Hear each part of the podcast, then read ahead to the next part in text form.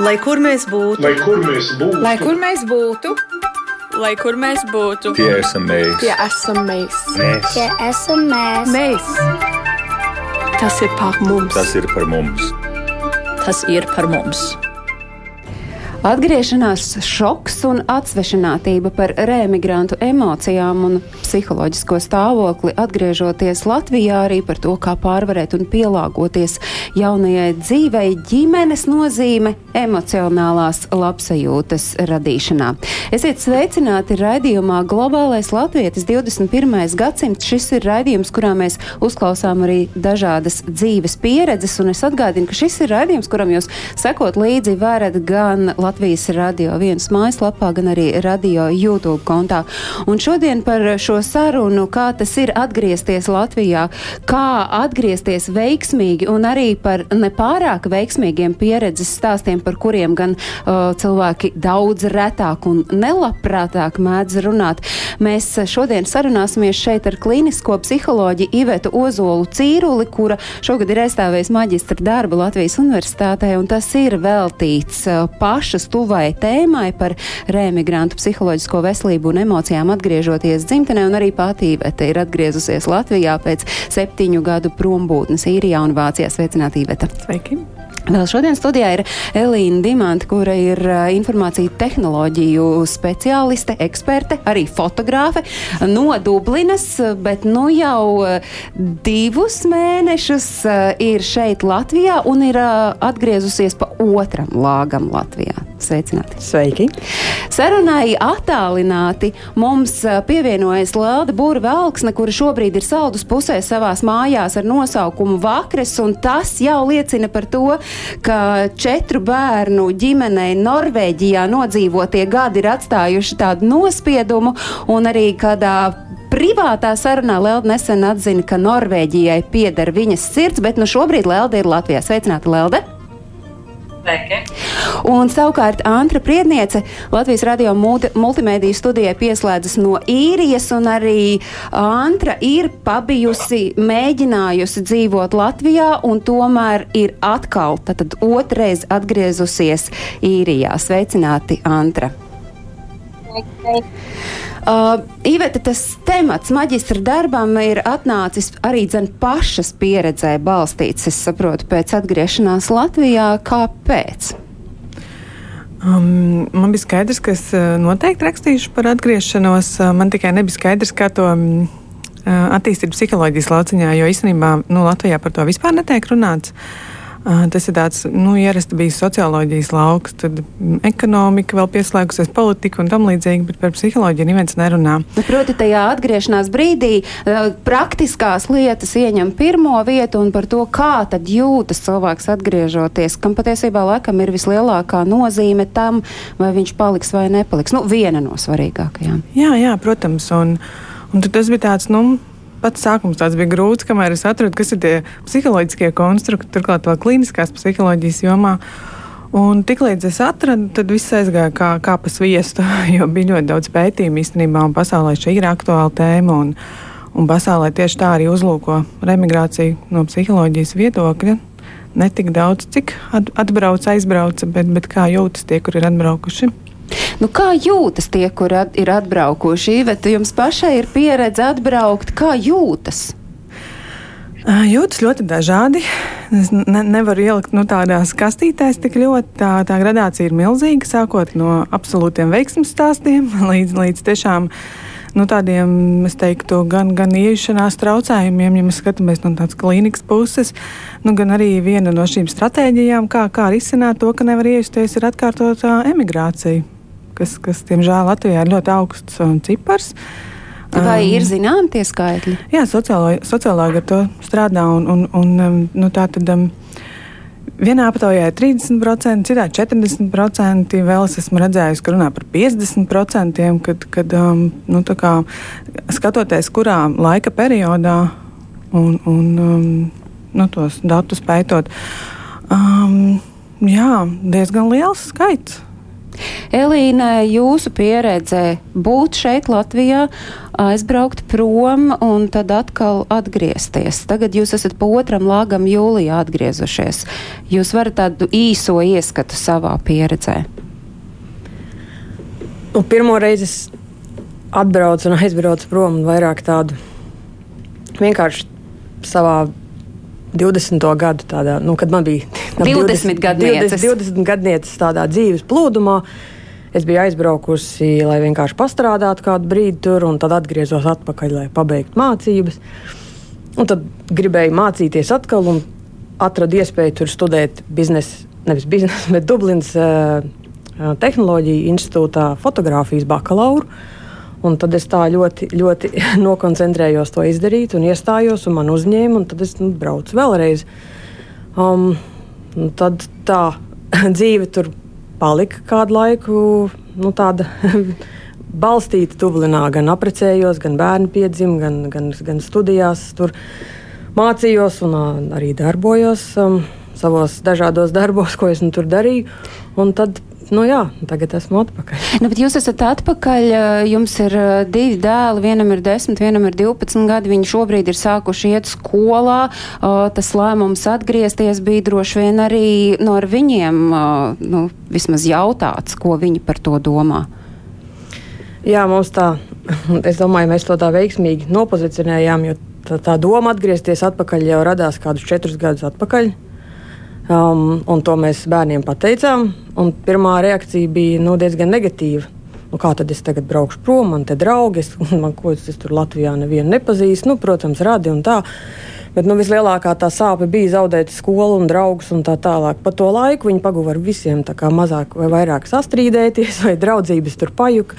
Respektīvi, tā emocionālā piesaiste viņiem nebija tāda. Tad, kad jau nāca tas brīdis, nu, ka tiešām jābrauc, viņi bija ārkārtīgi laimīgi un nevarēja vien sagaidīt, ka tiks uz Rīgu un satiks māsītes un pārcelsimies uz mūsu jauno dzīves vietu. Viņiem bija, viņi bija izgājuši cauri tam procesam, un tas man bija liels prieks skatīties, kā viņi bija tam gatavi četru gadu laikā dzīvot līdzi un pat gaidīt to brīdi, kad mēs būsim šeit. Jā, nu, bet tagad jūs esat divus mēnešus šeit, un tā, nu, tas, tā, tā emocionālā sajūta ir laba. Jūs teiktu, ka viņiem viss ir forši un jums pašai arī. Jā. Noteikti, jā. Mums paveicies arī ar to, ka mēs atgriezāmies vasaras sākumā. Tad mēs izbaudījām visus tos plusus, ko nu, var Latvijas vasara sniegt.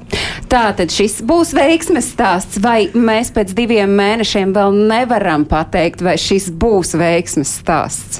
Kas ir varbūt nu, tie pirmie jums, īvet zināmie nu, kritēriji vai priekšnoteikumi, lai mēs varētu teikt, jā, šis izskatās, ka varētu būt labi? Nu, tāds pirmais drošais signāls, ko es no Elīnas dzirdu, ir tie četri gadi. Un eh, šeit man jāsaka, ka eh, pētījumos tas ir viens no tādiem, nu, tā kā.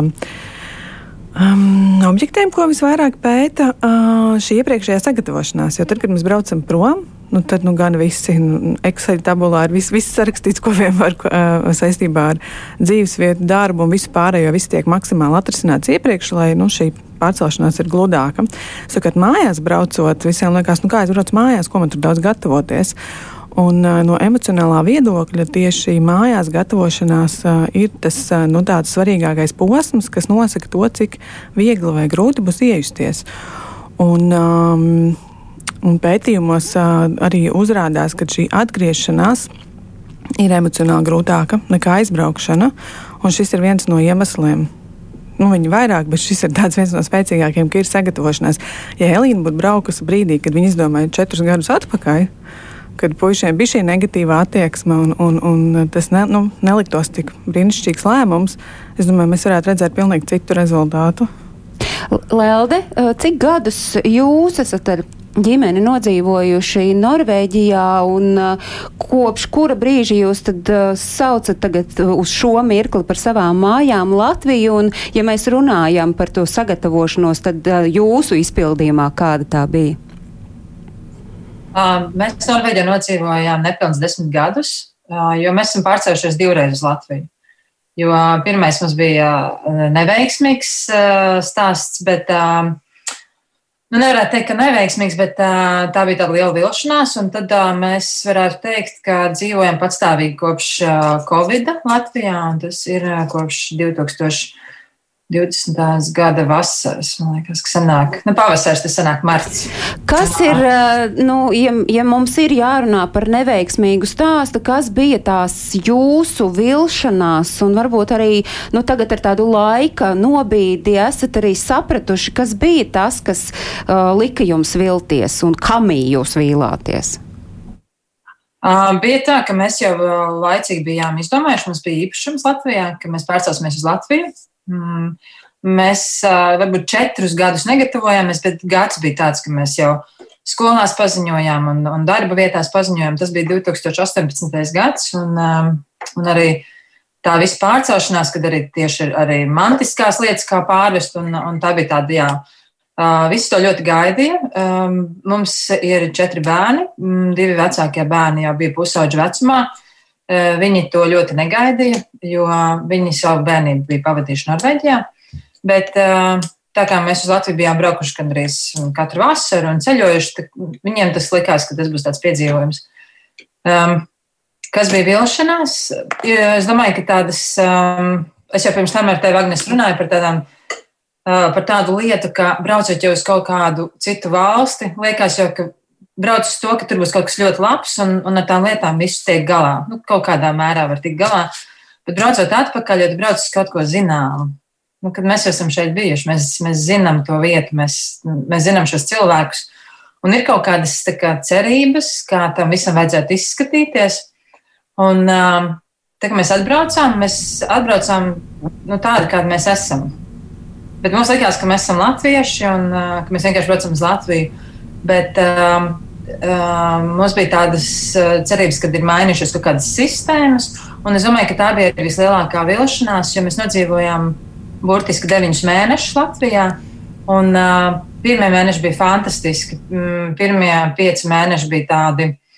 Uh, mēs dzīvojam vēl tādā savā kaut kādā enerģijas lokā un uh, ar domu, ka mēs varētu kaut ko mainīt savā vidū. Mēs nedzīvojam Rīgā, mēs dzīvojam Saldus pusē, bet uh, ar, es domāju, ka jāpiet vienai tādai gadam, lai saprastu, nu, tā kā jānodzīvo tas gads, ir varbūt, varbūt mazāk, lai tā kā m, mm, būtu kaut kāda pieredze, jo uh, dzīvojot uh, tajā ziemas periodā un saskaroties kaut vai ar um, sociālo sfēru, kur ir kādas slimnīcas vai zobārsti un, un protams, ar izglītības sistēmu, um, bija tāda sajūta, ka diži nekas nav mainījies, kurš mēs aizbraucām.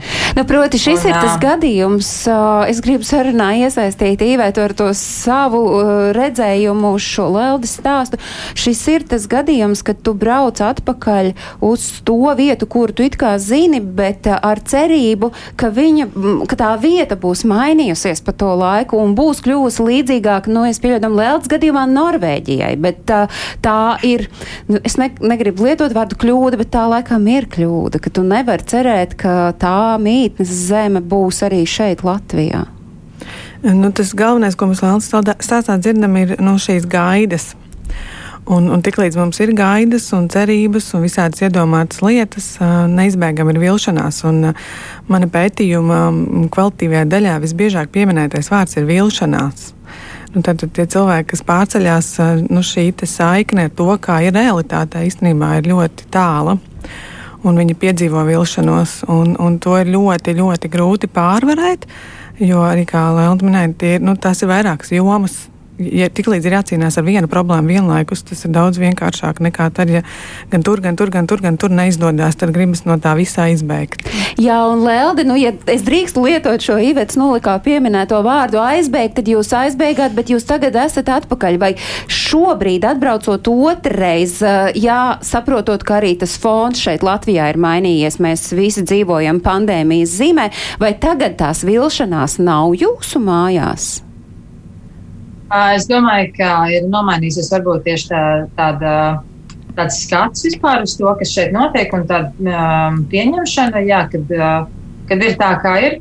Šeit, ir, šeit nav tāda pati sociālā sfēra, tāda pati izglītība, kādu mēs esam piedzīvojuši. Um, protams, ka varētu man daudz oponēt un teikt, jā, bet ir visādas privātās iestādes, bet uh, mēs dzīvojam tieši tur, kur mēs dzīvojam. Un, uh, Mēs vienkārši um, mēs izvēlamies mm, sev par labu, esam kādas lietas, un mēs vienkārši tā kā, nu, burtiski nu, ne, nemēģinam neko mainīt. nu, tādas, vienkārši, lai, lai tā ir, kā ir. Proti, jūs nav maināt eh, savu, maināt savu attieksmi, nu, nevis eh, sabiedrību vai. Nu, jā, bet no otras puses, ir tā, ka mēs savā ziņā dzīvojam kaut kādā savā tādā um, nu, mazā burbulītī, kā to varētu teikt. Jo, jo tie cilvēki, kas mums ir riņķi, arī savā ziņā ir kaut kādi vai nu atbraukuši, vai ārzemju latvieši, vai nu, vai no cilvēki, kas ir uh, no kādām alternatīvām iestādēm. Uh, un tas savā ziņā ir varbūt pozitīvi, savā ziņā tas nav pozitīvi, jo tā saskarsme it kā ar uh, apkārtējo vidi, kas ir um, parastas skolas, parastas, uh, parastas vietas, ir ļoti maza. Jo Un, Leldas ā, bērni mācās ā, daļa attālināti tālmācībā un ā, daļa mājmācībā, vai ne šobrīd? Tā būtu precīzi jāsaka. Es gribu pie, iesaistīt sarunā Antru, jo Antrai ir tas stāsts Latvija, ā, prombūtne, atkal Latvija, un tagad nu jau ilgākus gadus jūs esat prom, Antra, tādā īsajā versijā, kāpēc ā, neizdevās jums tā pirmā atbraukšana un kāpēc jums nācās aizbraukt prom. Tiesa, jāteic, 2007. gads bija tas, kad jūs atgriezāties no diviem gadiem, ko bijāt nodzīvojuši īrijā, un uh, pēc uh, aptuveni trim gadiem jūs atkal aizbraucāt prom. Tātad trīs gadus jūs bijāt šeit, kas uh, neļāva palikt. Nu, ar mani bija tā, ka pirmo reizi aizbraucu uz īriju. Man pat īsti nebija doma, ka es tur ļoti palikšu dzīvot. Es pat paliku ilgāk nekā es biju sākumā plānojusi. Uh, apstākļi tur iemainījās, bēr, bērni atbrauca, jo es sākumā aizbraucu vienu. Tad pievienojās bērni, izteica vēlmi uh, mācīties. Un, uh, bet, nu, beig, beigās mēs tur mums nebija plāns tur palikt. Līdz ar to pēc tam diviem gadiem es ar lielu eiforiju un piekrītu Leldei ar uh, piln, pilnīgi, skatu, uh, pilnīgi citu skatu uz dzīvi. Uh, mēs atgriezāmies Latvijā, jo nu, tās ir mūsu mājas, mūsu dzimtene un tā. Uh, pirmo gadu mēs, man liekas, diezgan nefaurijā arī nodzīvojām, jo bija gan iekrājumi, gan beig beigās arī samērā veiksmīgi darbus atradu un uh, bērnu skolā un tā, bet um, Uh, viena liela problēma man bija uh, dēlam ievesties Latvijas skolā. Tas bija Ikšķilē. Mēs uz Ikšķili pārvācāmies, jo, jo tā bija pēdējā dzīves vieta, kur mēs bijām pirms mēs aizbraucām pirmo reizi uz īriju. Un, um, nu, viņš kaut kā, viņš sāk pirmajā klasē iet un, un sanāca īrijā par cik ātrāk sāk skolā iet, tad viņam jau tā kā bija skolas pieredze vesels gads, īrijas skola. Un tādam mazam ķiparam liekas interesanti, kā viņš uztver lietas un kā viņš mēģināja skolotājai stāstīt, kā viņai vajadzētu mainīties un uh, vispār viņai vajadzētu braukt uz īriju dzīvot, jo tur ir riktīgi forši. Un kaut kā pa tiem, nu jā, tas pirmais gads kā vēl diezgan eiforija, darbs labs ar, ar izaugsmas iespējām un algas pielikumiem vispārējo. Tie iekrājumi un, un, un tā. Um, Bet, Bet kas tad bija? Jā, kas bija varbūt tas, nu, tas pēdējais piliens, kas tomēr jūs sapratāt, nē, nu, ka tā eiforija pāriet un ka nebūs? Nu, jā, tas ir apmēram tā kā nokrīt rozā brīvs pēc tam, kad tu, nu, es iemīlējies. Un, un tā, tā man apmēram bija, ka es sapratu, ka, um, nu jā, kad ņemot vērā, ka mans skats ir mainījies, bet tā sabiedrība vai tā vide un vispārējais nemaz, nemaz nav mainījies. Un, um, tad arī sākās laikam tie krīzes gadi, kā jau uh, 9. un 10. gads sāka cenas augt, rēķini augt un, un alga kā, vairāk uz, uz leju gāja. Um, sākās uzņēmumi sāk atkal izvairīties maksāt nodokļus, sāk meklēt visādas citādas formas, kā, kā noformēt darbinieku, lai tie nodokļi nebūtu jāmaksā. Nu, pašnodarbinātie un, un kā tik vēl ne. Un es sapratu, ka nu, neesmu vairs jauna meitene. Man ir svarīgi tomēr tos nodokļus maksāt un to par pensiju domāt. Proti, tad viens no, viens no, no tādiem svarīgiem aspektiem bija šis finansiālais jautājums, bet kā ar to emocionālo pusi, jo es zinu, ka jums nu, bija arī kaut kāda virkne tādu emocionālo lietu notikumu, kas notiek apkārt sabiedrībā, kas arī jums nebija pieņemams, un, un tas arī bija viens no iemesliem. Kādi varbūt bija tie emocionālie aspekti, kāpēc jūs aizbraucāt? Nu, Pirmkārt, jau tas, ka sap, man likās, ka man dēla dēļ, dēla izglītības dēļ, man bija sajūta, kad, ka mums tomēr ir jāatgriežas īrijā. Viņš man visus trīs gadus, principā, teica, mamīt, kāpēc mēs nebraucam atpakaļ. Tas bija viens aspekts. Jā, es sapratu, ka izglītības sistēma kopumā nav, nav mainījusies, un kas būtu pilnīgi normāli divi gadi, tas nav tik daudz, lai tas viss notiktos. Un neizskatījās, ka, ka, ka tuvākajā nākotnē tas būs. Un, un, un, un, un man jau meitas iz, nu, praktiski bija beigušas jau mācības, kad mēs, kad mēs pārvācāmies lielās. Puikam tā kā viņš nevarēja iejusties, un viņam grūti gāja. Un tas ir viens, un otrs arī jā, tie cilvēki apkārt. Ar visu to, ka man draugi un ģimene un, un, un tā, bet um, es, es nejūtos labi. Es nejūtos labi kopumā sabiedrības attieksmes dēļ, sabiedrības šauro domāšanas dēļ, un kas īstenībā vēl joprojām. Nu, pavīd zināmai sabiedrības daļai. Tajos mirkļos, kad uh, Antra pieminēja gan izglītību, gan arī sabiedrības attieksmi, Lelde arī piekrītoši māja, vai tas bija tas, ko jūsu ģimene izbaudīja tajā pirmajā atbraukšanas reizē, kas ir salīdzinoši nesen, tad pirms četriem gadiem, un vai tas pats bija arī tagad, kad uh, 2020. gadā pandēmijas laikā atbraucāt, tagad pēdējo divu gadu laikā? Jo nu, es vienkārši varu uzdot tādu vienkāršu jautājumu, kāda vispār cilvēkiem ir attieksme pret uh, kādiem iebraucējiem, ne tikai pret latviešiem. Bet, uh, protams, ja viņš nu, ja ir garām gājējis, tad attieksme ir ļoti jauka. Bet līdz ko tas cilvēks ir vai nu kaimiņš, vai topošais radinieks, vai vispār radinieks, um, nu, tad ir tāda. Jo es nezinu, kāpēc tā ir šeit. Ka, kad uh, ir ļoti liela padomu devēja, bet uh, uz tādu palīdzību ir uh, nu, ļoti grūti sagaidīt. Tas, kas notika, bija tā, ka uh, tā, tā bija saistībā ar izglītību. Tieši tas bija tas viens no primāriem, jo mums kā pieaugušiem, mēs jau pēc būtības. Nu, Varam jebkur iedzīvoties, bet tieši saistībā uz bērniem uh, viņi vairs nebija pirmklasnieki, viņi jau bija vecākās klasēs. Un, uh, un, uh, mēs sapratām, ka viņi nevarēs mācīties parastajās skolās, jo uh, Šeit joprojām darbojas šī postpadomju atzīmes sistēma, ka šos bērnus vienkārši padara par nesekmīgiem. Jo, lai kā viņš gribētu būt šeit eh, teicamnieks, vai nu, es nezinu, kā to šeit vērtē, bet uh, viņš vienkārši tiktu pazemināts. Un, um, protams, ir visādas programmas, bet uh, tas reāli nedarbojās. Ja mēs tā atklāti runājam, jo um, Mūsu bērni nebija mācījušies latviešu literatūru, nebija mācījušies nepālu gramatiku. Viņi, protams, ļoti labi runā latviešu un lasa, bet ir kaut kādas lietas, kas ir šiem remigrantu bērniem saistībā ar garumzīmēm. Nu, vien, vienmēr sakot, tādas mazas lietiņas, kas tomēr bremzē viņu tādu um, šo te atzīmju pacelšanu. Un, um, un tas bija tāds liels, vienkārši saprast, kur tos bērnus reāli likt, jo viņi ir viņiem ir kaut kur jāiet. Viņi saka, ka viņi grib atpakaļ uz to, uz to skolu, jo, mm, jo tur ir viņu draugi. Nu, proti, un, bet stāsts ir par Norvēģiju, ka viņi grib atpakaļ uz Norvēģiju. Jā, Jā, jo viņi tur bija gājuši skolās. Nu, jā.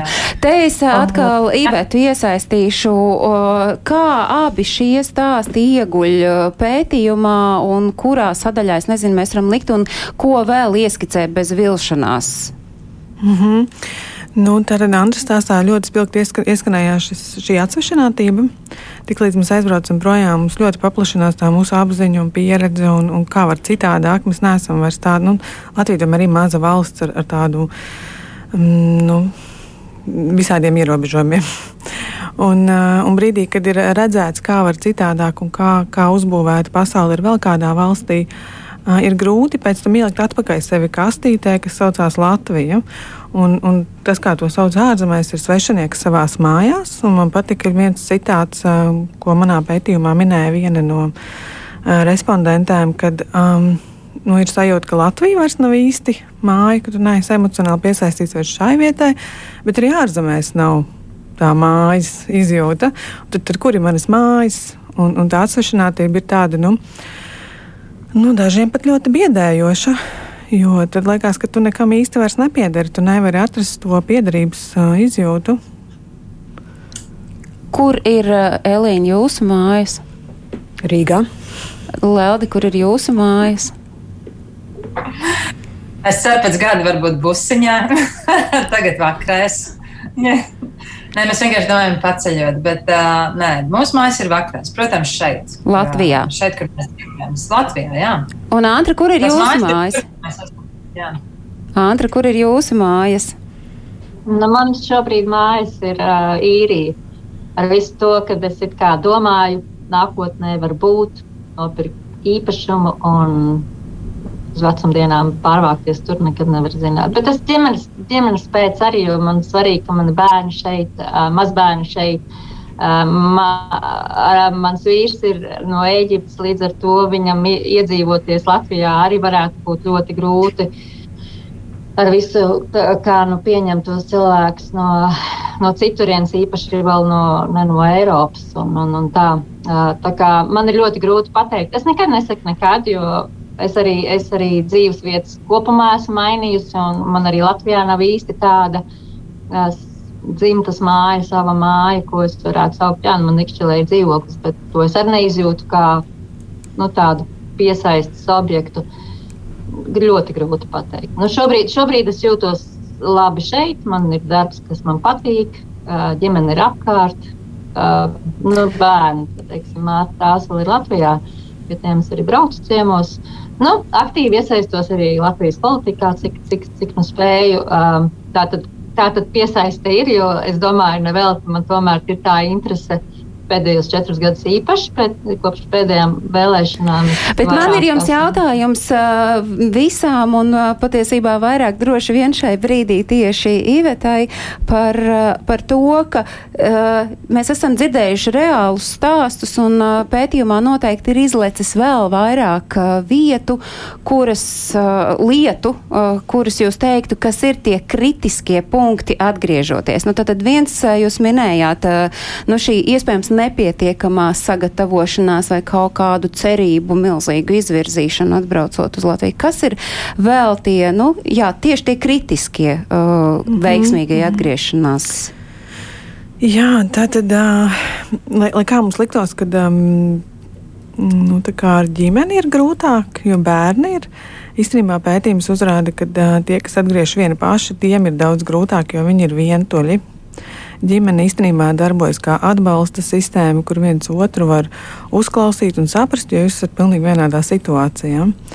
Un, līdz ar to atgriezties ar ģimeni īstenībā ir nu, vieglāk statistiski, ja mēs skatāmies. Bet šeit mēs dzirdējām nu, divi gadījumi, kur, kur tieši arī ģimenes dēļ ir aizbraukts prom. Kāpēc? Nu, tas tomēr nestrādā šis ģimenes stāsts kā veiksmes. Nu, es domāju, ka mēs nevaram skatīties diviem gadījumiem. Tie var tikpat labi būt um, izņēmumi. Es runāju par kopumā. Um, ja atskaitām visus respondentus, kas ir atgriezušies vienu un visus, kas ir atgriežušies ar ģimeni, tad šie veiksmes gadījumi, kad uh, ģimenei izdodas iesties, ir vairāk nekā vienam pašam. Un iespējams, arī vienam pašam ir vieglāk aizbraukt. Varbūt tas vēl tāds noteicošais. Uh, vēl viens no faktoriem ir um, mm, to, ka tā. Nu, Jo ilgāk prom, jo grūtāk jo ilgāk prom, jā, tas, tas arī uzrādījās. Um, desmit gadi plus noteikti ir jau tāds nopietns ilgums, par kuru ir nopietnāk jādomā par atgriešanās procesu. Un tur arī būs visvairāk šīs ilgas un gaidas un visā nu, šī um, atrautība no realitātes, jo pa desmit gadiem būs patiešām viss kaut kas mainījies, vai kā otrādi citi saka, nekas nav mainījies, bet likās, ka būs. Nu, tā tad nebūs šī atbilstība realitātei. Un, un vēl pētījumos uzrādās, ka, ja atgriežas no valsts, kas kultūra ziņā ir stipri atšķirīga no, no mm, Latvijas, arī tad ir grūtāk atgriezties. Un atgriešanās um, no šīs intensīvās izjūtas, ko, ko psiholoģijā sauc par šo šoku, viņas dabiski laika gaitā mazinās. Un, uh, tas, ko mēs dzirdējām, ir mm, nu, šo, šis medus mēnesis, tāds viņam arī ir nosaukums tajā fāzē, sākumā. Viņi ir, jā, viņi var būt gadu, kā mēs dzirdējām, viņi var būt nedēļas, bet tiklīdz ir saskara un tas agrāk vēl notiek ar kaut kādām problēmām, ir tā lejupslīde, ko ir nepieciešams pārvarēt, bet daudzi šajā brīdī pieņem lēmumu aizbraukt. Īstenībā jau pārvarot ir iespējams izlīdzināties atkal. Un uh, vēl par vecumu. Mm, pētījums uzrāda, ka tie, kas ir gados jaunāki, viņiem tas ir daudz sarežģītāk nekā tiem, kas ir, um, nu, kuriem ir šī pieredze un briedums un nu, kā zināšanas, kā tikt galā ar nu, dažādām grūtībām, kas nav kā gados jaunākiem cilvēkiem. Turklāt ar, ar bērniem un jauniešiem tā problēma ir tāda, ka viņi, esot prom, piedzīvo ļoti daudz izmaiņas Viņa psihe ir tāda, ka viņa gan valodu, gan draugus, gan visus notikumus ļoti, ļoti, ļoti uzņem. Un brīdī, kad pārceļās, um, nu, visas, visas šīs izmaiņas ir vienā, vienā dienā, viņas pēkšņi ir jāpielāgo. Un tas ir daudz sarežģītāk nekā tiem cilvēkiem, kas ir gados. Viņi nu, nu, varētu teikt, konservatīvāk uh, dzīvo atrodoties ārzemēs. Viņa neveic tik milzīgas izmaiņas. Visbiežāk tie ir deju kolektīvi, ko mēģina saglabāt koris, nu, šī latviskā vide. Un atbraucot, nav notikušas tik milzīgas izmaiņas, kas būtu jāpielāgo. Ja mēs skatāmies no uz to, ka gados jauniem cilvēkiem ir grūtāk, uh, gados jauniem, es domāju, arī mēs varam skatīties uz tiem, nu, varbūt ne gluži bērniem, kas iet pirmajā, kas, bet uz tādiem pusauģu vecumam.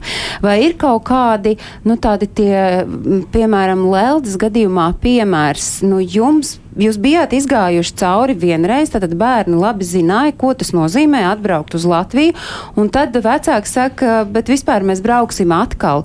Kā varbūt uh, jūs kā vecāki ar vīru, uh, ar, ar bērniem runājāt un gatavojāt viņus tam, ka, nu, principā mēs iesim iespējams vēlreiz tam visam cauri? Es nezinu, šis stāsts, tas otrais stāsts, man liekas, ir tāds. Uh, Um, nu, pilnīgs neprāta stāsts, jo mēs atbraucām uz Norvēģiju, uz to pašu vietu. Viss bija ļoti laimīgi un priecīgi. Un, un patiešām cilvēki tur arī tā sirsnīgi sagaidīja, jo uh, man strādājot arī Norvēģijas uh, skolā, uh, bija jaunieši, nu, bērni, kas bija no dažādām valstīm, un, un viņus visus ļoti sirsnīgi uzņēma. Nu, viens neskatījās, kas tu tāds esi, kāda tev krāsa. Tu esi, nu, tu esi vienkārši ļoti, ļoti foršs cilvēks. Un, um, Un tā otrā reize, mums viss, mēs, kad aizbraucām projām, mums viss šeit palika. Ja mēs vienkārši bijām piekusuši no Latvijas, mēs uh, sakrāmējām dažas somas un aizbraucām. Un šeit māja palika. Un, ar, uh, un bija tā, un uh, bija Covid. Un tad um, nevienu neviens negatavoja. Mums uh, pateica skolā, ka uh, piekdiena nebūs jānāk uz darbu vairāk, jo, jo skola aizslēgs ciet tagad līdz vasarai. Un, uh, Un tad mēs sēdējām vakarā un teicām, klausies, braucam uz Latviju, jo ko tad mēs tos trīs mēnešus darīsim tāpat, nu, tā kā nekur iet nevarēs. Un, un tur varbūt varēja tā spilgtāk izjust to cilvēku paniku, kā viņi ļoti iepirkās. nu, tādas, kad visi, visi veda mājās tādas lielas pakas ar ēdieniem. Un tad mēs divās dienās izdomājām, ka mēs brauksim uz Latviju. Un uh, bērni to uztvēra ļoti, ļoti mierīgi, jo Viņi jau tur bija bijuši, viņi zināja, ka mēs tā ceļojam uz, uz vienu pusi, uz otru pusi.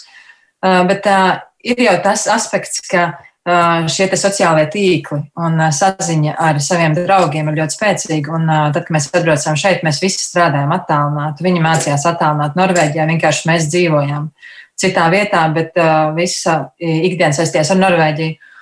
Un tad, kad tas vasarā beidzās, protams, vasarā, kā tev ar Elīnu. Viss ļoti skaisti, viss ir labi, un tad atkal sākās septembris. Un tad mēs teicām, nu, ka mēs atpakaļ ka nebrauksim vairāk, ka, ka mēs paliksim.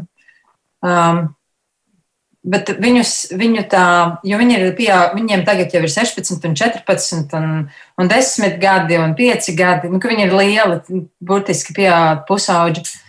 Viņu saistība ar Norvēģu draugiem joprojām ir ļoti spēcīga. Un tas ir tas, ko, kas mani mazliet varbūt uztrauc, jo Viņi dzīvo tādās paralēlās pasaulēs. Viņi eh, komunicē ar tiem cilvēkiem, kas ir Norvēģijā, un tad ir kaut kādas aktivitātes un, un uh, sporti, uh, kur viņi iesaistās šeit. Un uh, savā ziņā nu, nu, tas tāds, tā, tāds uh, nu jā, tādas, tā tādas divas, divas pasaules, kurā viņi dzīvo.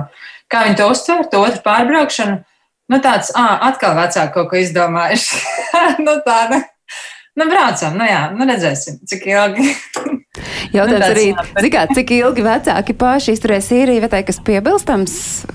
Mans pētījums par to nebija, bet uh, rakstot savā, jo es par to lasīju, uh, veidojas tiešām šīs divas identitātes. Uh, Psihiski sašķeļās kaut kādā brīdī.